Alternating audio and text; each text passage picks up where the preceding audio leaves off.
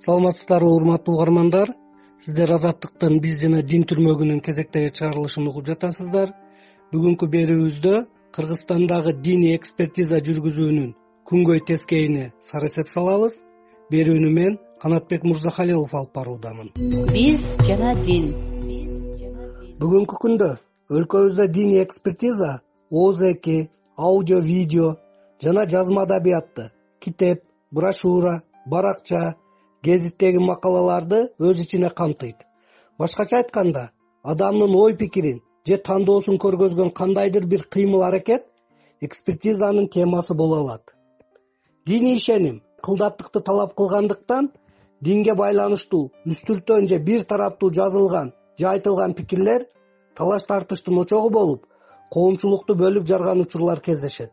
Ошондуктан социалдык желелерде болуп жаткан окуяларга жасалган реакциялар дин маселелерине арналган же динди камтыган посттор дагы талдоонун темасы катары каралган учурлар кездешет.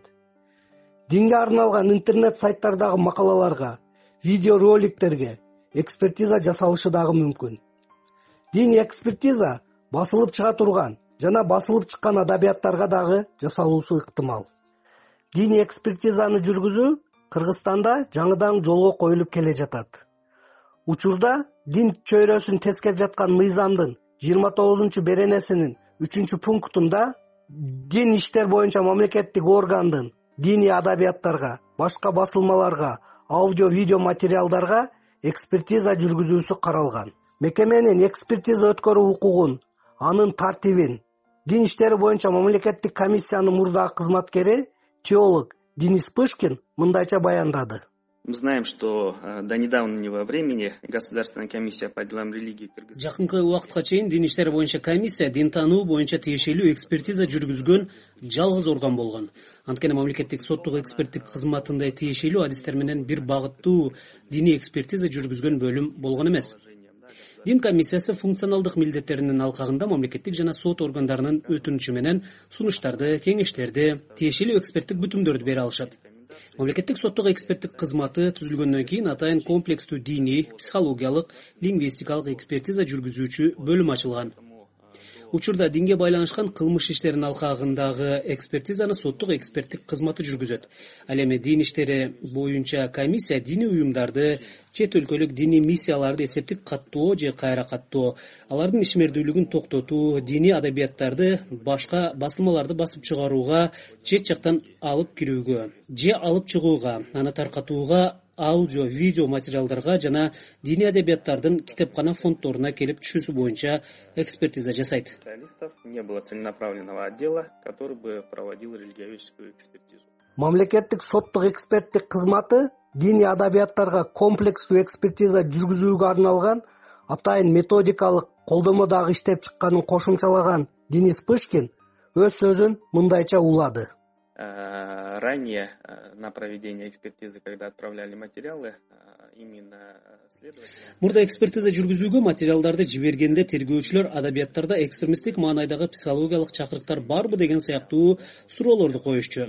Бул суроолор лингвисттер менен психологдордун компетенциясына киргендиктен дин таануучулар суроолорго жооп берүүдө кыйынчылыкка учурашкан. Анткени суроолор лингвистикалык филологиялык аспектти өз ичине камтыган.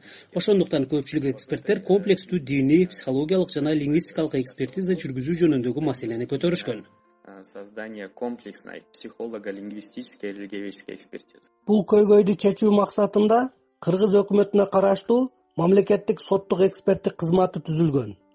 Ал өз ишин эки миң он жетинчи жылдын он төртүнчү июлунда өкмөт тараптан бекитилген жобого ылайык жүргүзөт.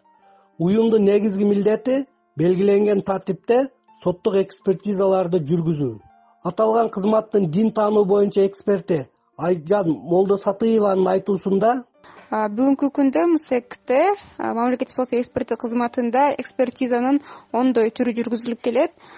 Дин таануу соттук экспертизасын кыргыз республикасынын өкмөтүнө караштуу мамлекеттик соттук эксперттик кызматынын лингвистикалык дин таануу жана психологиялык экспертизалар башкармалыгынын компетенттүүлүк тууралуу сертификацияга ээ соттук эксперттери жүргүзөт экстремизм жана терроризм менен байланыштуу кылмыш иштери боюнча материалдар дин таануу соттук экспертизасынын объектиси болуп эсептелет экстремизмге байланыштуу иштердин материалдары лингвистикалык экспертизанын объектиси болушу ыктымал. Айрым учурларда комплекстүү лингвистикалык дин таануу жана психологиялык экспертиза дайындалышы мүмкүн. Экспертизанын түрү комплекстүү комиссиялык жана башка түрлөрү тергөөчүнүн же сот органынын чечимине жараша аныкталат. Башка соттук экспертизалар сыяктуу эле соттук дин таануу экспертизасы кыргыз республикасынын жазык процесстик кодексинин жүз жетимиш бир жүз жетимиш экинчи беренелерине ылайык сот органдарынын аныктамасынын же тергөө органдарынын токтомдорунун негизинде дайындалат. Биз жана дин. Буга чейин эле кыргызстанда айрым укук коргоочулар адвокаттар диний экстремисттик деп табылган материалдардын экспертизасы боюнча маселе көтөрүп келишкен. Ал эми укук коргоо органдарынын өкүлдөрү бул маселе терең диний изилдөөнү талап кылат деген пикирде болушкан диний экспертиза жүргүзгөн адистердин коопсуздугу мамлекет тарабынан эске алынуусу керек.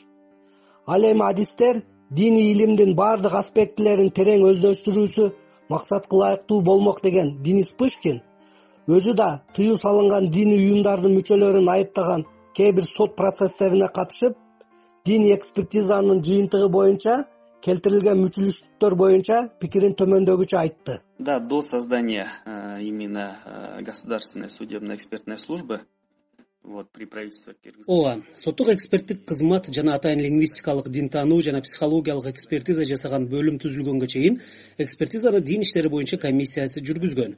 Ал учурда бизде өтө көп суроолор болгон. Канчалык деңгээлде жүргүзүлгөн экспертиза мыйзамга туура келет. Дин комиссиясы ушундай түрдөгү экспертиза жүргүзүүгө укугу барбы деген сыяктуу белгилей кетсем бул экспертиза иштеп жаткан дин жаатындагы мыйзамдын кылмыш процессуалдык кодексинин жана тиешелүү жоболордун алкагында жүргүзүлгөн. Ооба эксперттер бир нерсени белгилешкен. Алар канчалык деңгээлде дин комиссиясынын эксперттеринин компетенциясы талапка ылайык талдоого берилген материалдардагы мамлекеттик түзүмдү күч менен кулатууга чакырык сыяктуу суроолорду кантип аныктап бүтүм чыгарышат деген. Бирок көпчүлүк учурда дин комиссиясынын дин таануучу эксперттери адабияттар кайсыл бир диний уюмга тиешелүү экендигин гана аныктап беришкен эгерде адабият сот тарабынан тыюу салынган уюмга тиешелүү болсо анда ушундай уюмга тиешелүү деп бүтүм чыгарылган. Учурунда бул маселеге байланыштуу көптөгөн суроолор соттук териштирүүлөр болгон. Соттор дайыма чыгарылган экспертизалар мыйзамдуу болгон деген чечимдерди чыгарышкан көптөгөн кемчиликтер болгондугун дагы моюнга алыш керек.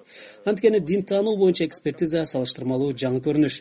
Мисалы башка өлкөлөрдө дин таануу боюнча атайын адистештирилген экспертизанын түрү жок. В странах даже нету такого специализированного вида отдельной отдельного вида специализированного по проведению религиоведческой экспертизы.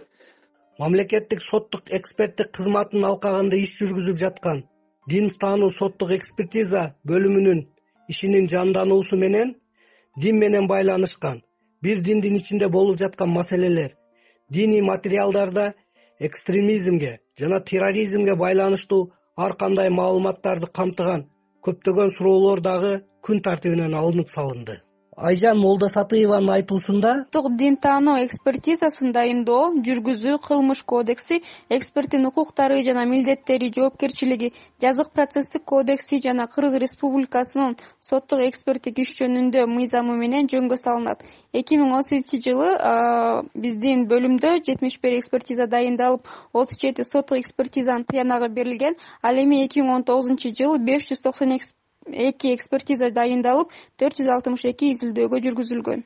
Жүргүзүлгөн иштерге карабастан экспертиза өткөрүүнүн деңгээлин жогорулатуу керек деген дагы адистер бар. Бул максатта дин таануу адистиги боюнча билим берген мекемелерде атайын окуу программалар иштелип чыгып ушул профилдеги адистиктерге окутуу зарылчылыгы бар. Аталган программа бир гана диний маалыматты өз ичине камтыбастан экспертиза жүргүзүүнүн методологиясы усулу да окутулуусу абзел экспертизанын бейтарап адилеттүү болуусу үчүн туруктуу эксперттик топтун кайсы бир мекемеге караштуу экендиги дагы маселе жаратат. Ошондуктан көз карандысыз эксперттик усулдук институтту түзүү максатка ылайыктуу болмок.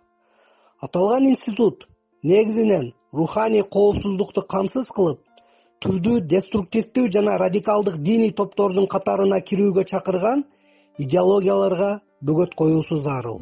Биз жана дин. Урматтуу угармандар сиздер азаттыктын биз жана дин түрмөгүн уктуңуздар. Бүгүнкү берүүбүздө биз кыргызстандагы диний адабияттарга экспертиза жүргүзүүнүн күнгөй тескейине сарасеп салдык. Берүүнү мен канатбек мырзахалилов алып бардым. Саламатта калыңыздар